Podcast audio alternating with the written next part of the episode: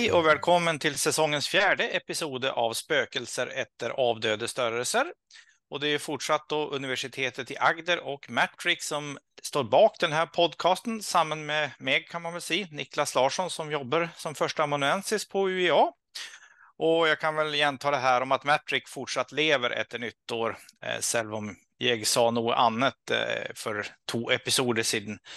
Vi har mistat statusen som center för främragande utdanning och på den måten också lite finansiering. Men eh, ellers så lever vi och ska fortsätta och står också bak den här episoden. Och det blir den tredje episoden i en serie där jag har samma forskare som deltar i, som gäst. Och vem är det?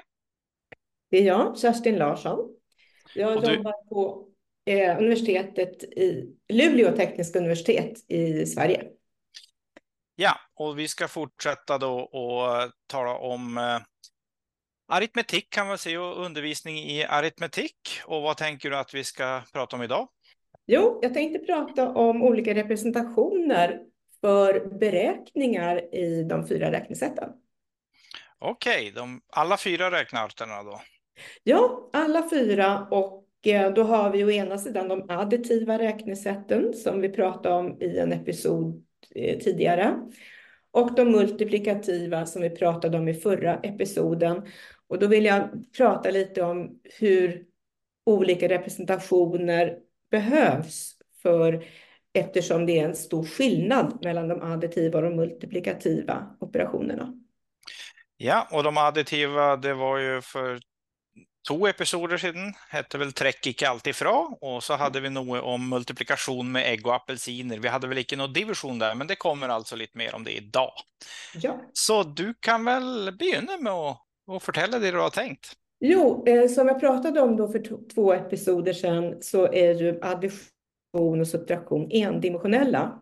Det vill säga, det går att representera dem i en enda dimension. De ändrar inte enhet, man jobbar liksom inom samma enhet kan man säga. Man adderar man... centimeter med centimeter och kronor med kronor och så vidare. Kilogram, kilogram. Exakt. Och får samma resultat. Ja. Eller i samma enhet i resultatet. Ja. Det, det, är precis vad jag menar. Och det, det här endimensionaliteten gör att tallinjen är väldigt användbar och det är en hållbar representation för de additiva räknesätten. Oavsett ifall du har, alltså vilken talmängd du jobbar med, det, den räcker inte bara till för naturliga tal utan den går, går att använda även för rationella tal och det går till och med att använda för negativa tal. Eh, och eh, det har ju visat sig att det, det, den här metaforen är väldigt stark. Eh, den här representationen är väldigt stark och den bygger ju till stor del på metaforen för tal, att det är en rörelse längs en väg. Men man kan även tänka det som att man har ett visst antal objekt. Eh, den första metaforen jag talade om eh, i episoden om, om additiva räknesätt. Eh, det går liksom att överföra det genom att tänka sig att det här är så här många saker jag har samlat på mig. Men framför allt är det ju en dynamisk händelse som man kan ganska enkelt eh, modellera på en tallinje. Till exempel för de yngsta barnen en graderad tallinje som bara kanske sträcker sig från 0 till 10 så kan man gå från 0 till 2. Och sen om man ska addera ytterligare, eh, eh lägga till då 3 så går man tre steg till framåt på de naturliga talen på tallinjen och hamnar på fem. Så det är en väldigt tydlig metafor att det är en rörelse längs en väg och att det är någonting dynamiskt som händer. Ja, man beväger sig rätt och slätt längs, längs vägen då. Först to eller ta utgångspunkt i to och så tar man tre steg och då hamnar man på fem och då är det ja. summan. Mm. Ja, och då för de yngsta barnen så, så är det inte så eh, svårt att någonstans förknippa additioner med att man rör sig framåt, det vill säga Eh, till höger på tallinjen. Medan för subtraktionen så rör man sig bakåt, eh, det vill säga till vänster på tallinjen, eh, där talen blir lägre. Men då är man enbart inne i den dynamiska sidan av addition och subtraktion. Ja, att det alltså sker nog. Och, eh, för jag tänker ju när du säger att man går till vänster på tallinjen istället för till höger som när det kan man säga det vanliga vid addition. Då tänker jag att det är väl addition med ett negativt tal. Ja, det är det. Det är alldeles riktigt. Eh, men man kan alltså också tänka det som en subtraktion. Eh, ja. Men subtraktion, vi har väl kanske sagt något om ordet där resultatet av en subtraktion är ju differense. Eh, ja. Och det betyder då skillnad på svensk forskel på norsk. Ja. Och, och kan man icke då se på, på någon måte på forskellen mellan total? Jo, det är det som är så fantastiskt. Eh, vi kan ju eh, tallinjen har ju den egenskapen att vi kan lika gärna se det som en skillnad. Jag tror att vi pratade om två människors längd i eh, att, som, som att det är en tydligt vardagligt exempel att skillnaden mellan någon som är 1,20 och någon som är 1,40 är ju 20 centimeter. Det är en subtraktion 101 meter och 40 centimeter minus 1 meter och 20 centimeter. Det är inte som att man tar bort någon längd från den här lite längre personen, utan man jämför. Och det kan man göra på tallinjen också. Jag kan istället för att befinna mig där den ena termen, som till exempel 10 minus 3, kan jag tänka att jag börjar på 10 och går tre steg bakåt och hamnar på 7. Så kan jag istället tänka mig att jag har, eh, jag har 10 och jag har 3. Hur stor skillnad, hur långt är det mellan de här två talen? Så det går också att eh, göra begripligt via tallinjen. Mm. Och den här tanken med skillnad, som då är en statisk subtrak eh, subtraktionshändelse eller additiv händelse, eh, den går ju då att använda vidare när man blir äldre och vill komma på smarta strategier. Eh, om jag till exempel har 102 minus eh, 98 eh, det kanske var ett dåligt exempel, men om jag har 102 minus 98 så kan jag ju tänka mig att jag förflyttar den här skillnaden genom att lägga till två på båda termerna så att jag tar skillnaden och flyttar de här två markeringarna på tallinjen. Istället för mellan eh, 102 och 98 så hoppar jag två steg framåt med båda talen och då ser jag att det är 104 minus 100.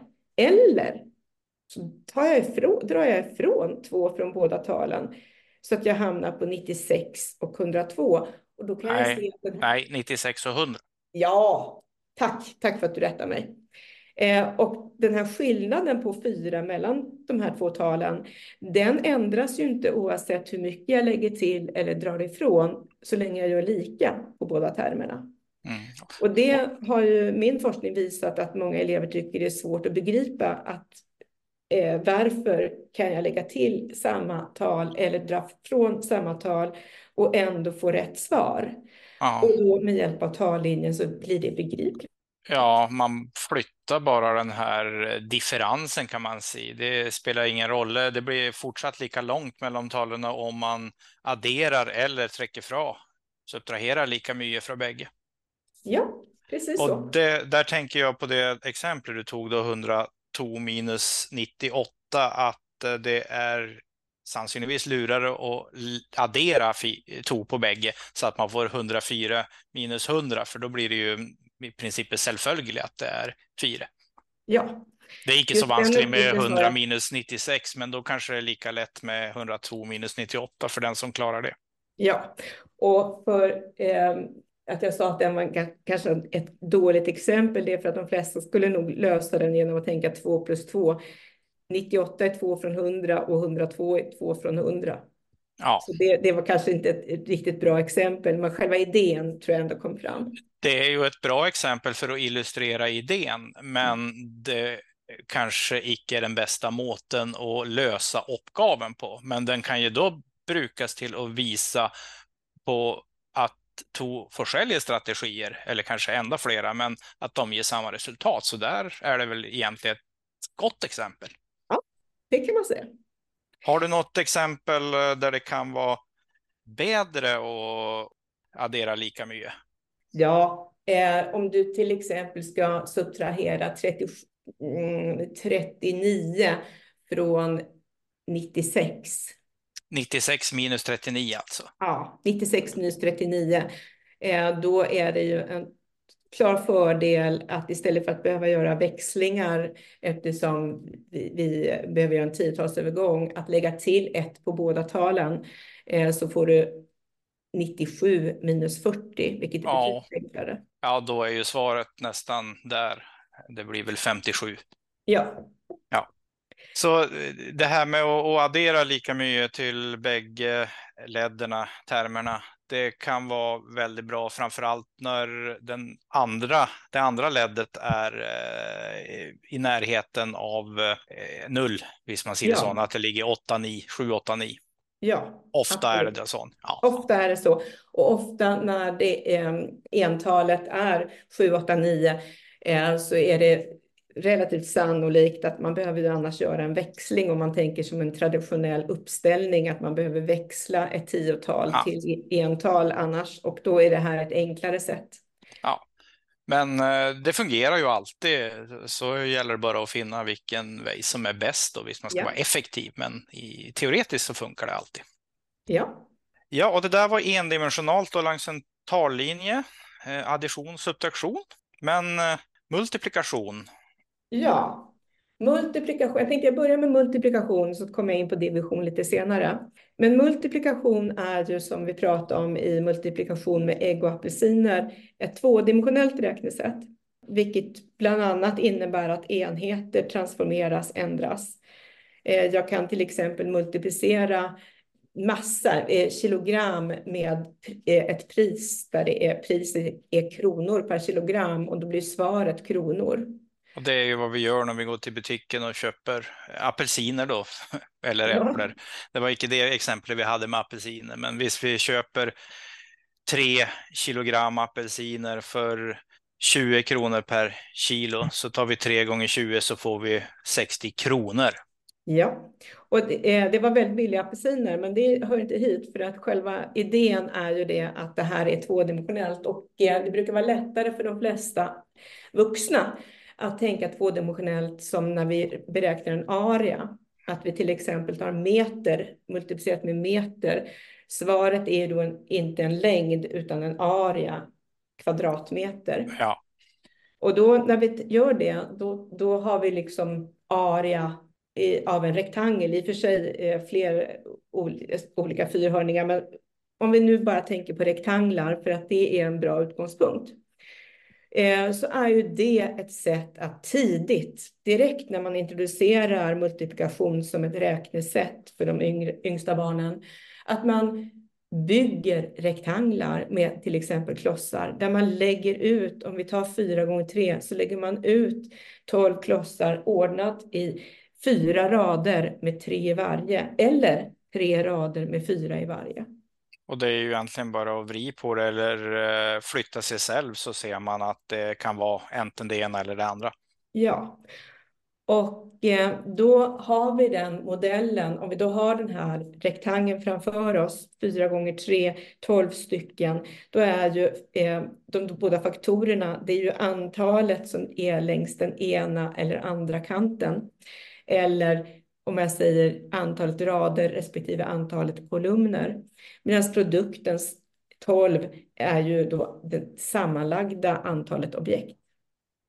Ja, och här blir det ju tydligt och det med exempel med pris och kil, pris per kilogram är det väl kanske inte så uppenbart att det är tvådimensionalt, men här blir det ju eh, nog så uppenbart att det är tvådimensionalt när det ja. blir areal istället för eh, längder. Ja, och det är det eh, som också är en hållbar eh, representation. Därför att nu gör jag den här, min klosssamling lite större och tar fyra rader med sju i varje. Alltså fyra multiplicerat med sju. Eh, om jag då, när jag i början av min karriär att lära mig matematik, tycker det är svårt att räkna ut vad 4 gånger 7 är, så kan jag dela upp de här klossarna jag har framför mig så att jag har fyra rader med fem i varje som en rektangel och sen har jag flyttat ut då de där två som är kvar så att jag har fyra rader med två. Då kan jag lättare se att fyra multiplicerat med sju kan jag tänka som fyra gånger fem plus fyra gånger två. Ja, 20 plus 8 då, 28. Ja. Och det här har väl ett namn, eh, det du ja. gjorde där? Jajamän, det här är, är att jag använder den distributiva lagen. Och den distributiva lagen är oerhört kraftfull och användbar för de yngsta när man ska träna in och automatisera multiplikationstabellerna. Att man använder det som ett mellanläge, att jag kan dela upp de här talen lite hur jag vill så länge jag tänker på mina rektanglar så att jag inte bara tar bort en enhet utan jag, jag har liksom det i antal rader och kolumner. Men den är ju eh, kraftfull också när man har lärt sig multiplikation och visst man vill eh, räkna ut något med hoderäkning. Ja, jag tror att de flesta av oss vuxna använder den utan att tänka på det när vi till exempel ska multiplicera ett ensiffrigt tal med ett tvåsiffrigt. 7 gånger 23. Ja, jag kan ta 7 gånger 23. Eh, då är det ganska enkelt att dela upp 23 i 20 plus 3, alltså tiotalen för sig och entalen för sig. 7 gånger 20, 140, plus 7 gånger 3, 21, 161. Och det är ju samma sak, samma matematiskt och i mönstret samma sak som det där exemplet med 7 gånger 4. Nu blir det 7 i bägge tillfällena, men det går ju lätt att ändra. Ja, och eh, det här eh, har ju visat sig vara oerhört svårt när vi har två tvåsiffriga tal. Om vi istället har 17 gånger 23 så är det väldigt många som tror att det räcker att ha 10 gånger 20 eh, plus 7 gånger 3. Ja, jag tror du var inne på det i förra episoden. Och... Ja, och eh, eh, det, det, det, det syns då om vi gör det som en rektangel. Vid det här laget när man räknar med två, tvåsiffriga tal så har man förmodligen släppt klossarna och bara ritar en rektangel. Om jag ritar en rektangel som är 17 gånger 23 rutor och räknar 10 gånger 7 och eh, 7 gånger 3. Nej, 10 gånger 20 ja. och 7 gånger 3, så, så var det. Eh, då ser jag att jag har bara räknat två delrektanglar av fyra i den stora rektangeln. Ja, stämmer. Eh, men eh, det fina i kråksången, som jag brukar säga på svenska, jag vet inte, finns det något norskt uttryck? Det kan inte jag gott och. Eh, det fina med att använda rektangeln som en metafor eller en, en modell för att eh, göra beräkningar för multiplikation är ju att den är lika användbar som ett tankeverktyg för division. Jaha, då kommer vi in på då ja, den fjärde räknearten. Om du tänker dig eh, att du har de här klossarna, vi går tillbaka till de där fyra gånger sju klossarna framför oss för de yngre barnen.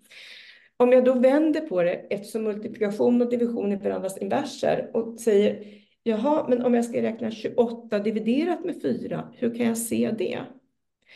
Då 28, täljaren, det är ju det totala antalet klossar som ligger framför mig i rektangeln. Och 4, eh, nämnaren, är ju antalet rader jag har framför mig. Så det jag saknar, kvoten, eh, när jag utför 28 dividerat med 4, det är ju helt enkelt eh, att jag tar reda på hur många det är i varje rad. Så det blir i princip samma mått att tänka, men eh, ja, lite mm. omvänt. Ja, och då att bygga upp en djup förståelse för de multiplikativa räknesätten, det innebär bland annat att man är helt medveten om den här invers, inversen mellan multiplikation och division. Och då kan man ju tänka, okej, okay, jag har 28 här framför mig och ska dela upp det i fyra. Istället för att då gå och räkna en, två, tre, hur många jag har. Hur kan jag tänka kring det här? Jag kan ju på samma sätt tänka, men jag vet ju vad 4 gånger 5 är. Det är någonting som jag har tränat in, så det vet jag. 4 gånger 5 är 20. Hur många av de här har jag kvar då? Jag har ju kvar åtta stycken och åtta fördelat i de här fyra raderna. Jag ser ju det, att det är ju eh, två i varje rad. Så du delar alltså på något mått upp divisionen 28 delat på 4 i 20 delat på 4 plus 8 delat på 4. Tack för att du hjälpte mig att sätta ord på det. Det är precis vad jag gör. Man kan se det som att man på sätt och vis använder distributiva lagen, även om den inte direkt är utformad för division, så är det i princip samma tankesätt man gör. man, man ser ju ibland att man delar upp en brök eller motsatt att man sätter det på fälles bröksträck och här kan man se att man delar upp divisionen. Mm. Man delar upp telleren då eller dividenden hvis man eh, vill bruka det gamla uttrycket. Eh, så den splittar man 28 till 20 plus 8 mm. och då kan man sätta upp det som två divisioner med samma divisor eller nämner. Ja, och då, då eh, tar du det till det mer abstrakta steget som ju förstås är bra om man kommer dit också. Men jag har i arbete med lärarstudenter, blivande lärare som ska jobba i eh, de tidigare trinnen, arbetat ganska mycket med att de får testa eh, nej, divisionsuträkningar som de tycker är lite knepiga. Till exempel att nämnaren, det man ska dela med, är tvåsiffrigt. Och då att tänka så att säga baklänges genom att tänka okej, okay, jag ska dela ett tal med 12. Jag utgår från vad kan jag om 12 gånger någonting? Jag kan 12 gånger 10 är 120. Är det här talet större än 120 så kan jag börja med att ta 10 och då ritar man i en rektangel, en tom rektangel så att säga. Eh, ritar man ett streck och tänker okej, okay, nu har jag tagit de här 120. Hur mycket var det sammanlagt? Hur mycket har jag kvar? Vad kan jag göra? Och det där Eh, har fått väldigt gott utslag att de samtidigt blir säkrare i hur man ut, vad som händer i beräkningar och eh, automatiserar multiplikationstabellen, vilket många vuxna eh, inte har gjort alla gånger. Ja. Så att tegna då i rektanglar kan funka också för att lära division och då blir det samtidigt en koppling till eh, multiplikation så att man övar på tabellen där. Ja, mm. jag ska faktiskt eh, eh, ha en föreläsning på matematikbiennalen i Örebro nu i vår, den 22 mars, 20, 21 och 22 mars är den och den är ju givetvis öppen för norska lärare eller norska intresserade människor också. Eh, och då kommer jag ha en hel workshop när eh, deltagarna får testa det här sättet att tänka och använda rektanglar som tankestöd för multiplikations och divisionsberäkningar. Eh, Matematikbiennalen är ju en konferens som går i Sverige vartannat år, eh, partalsår. Eh, och det går inte alltid i samma städ, men då går det första gången i Örebro och så går det väl i Örebro 2026 då planlagt. Eh, ser man på norsk tillsvarighet så är det som novemberkonferensen kan man säga, men den går ju vart år och alltid i Trondheim. Då. Men det handlar om eh, för, många föreläsningar och workshops mot undervisning i skolan. Så det är inte en forskarkonferens, även om det är flera forskare som deltar i den och presenterar. Ja. Jag ska faktiskt också ha en föreläsning där den 22 mars då om det egendomliga talet e och andra logaritmiska äventyr. Så det handlar alltså om eh, grundtalet i exponentialfunktionen, grundtalet e och eh, logaritmer. Och som ni hör så vänder det här sig till alla möjliga åldrar. Eh, jag kommer ju då prata om det som rör grundskolelärare, därför det här har visat sig att det är effektivt både för den tidiga inlärningen för de första årskurserna, trinnen, eh, men också för de äldre barnen eh, i grundskolan. Men Niklas kommer ju prata om matematik som man gör i vidaregående. Ja, det kan man väl se och, och upp på universitetet, men det gäller ju bägge för det att vi har lärarutbildning. Mm. Så då har vi reklamerat lite också för matematikbiennalen. Eh, där kan man väl finna mer information på nät. Och vi tänker väl att eh, det här är den sista eh, episoden i den här serien på tre episoder som du och jag har gjort nå om grundläggande aritmetik. Ja. Eh, men det är möjligt att eh, du kommer tillbaka lite senare i en serie och då nämnde du, ja du kan ju själv säga vad du nämnde som Ja, ett annat forskningsintresse jag har, det har studerat mycket. Det handlar om hur man utvecklar sin förståelse för bråk, procent och proportionalitet. Och då menar jag inte det som tre enskilda delar av matematiken, utan som en sammanhållen del. Ja, och det heter ju nästan samma på norsk då, bröker, procent och proportionalitet. Så det var väl kanske inte en gång nödvändigt att översätta det. Men vi får se när det kan bli eh, möjlighet till att göra de episoderna och hur många det blir. Och eh, jag ska se vad jag kan göra vidare med podcasten här med någon annan gäst då, i löpet av mars, eh, april, maj. Så får vi se när du kan komma tillbaka. Men jag får tacka dig, Kerstin, för att du har deltagit och bidragit till podcasten. Och, tack för inbjudan. Så säger vi tack för den här gången. Tack så mycket. Ha det bra.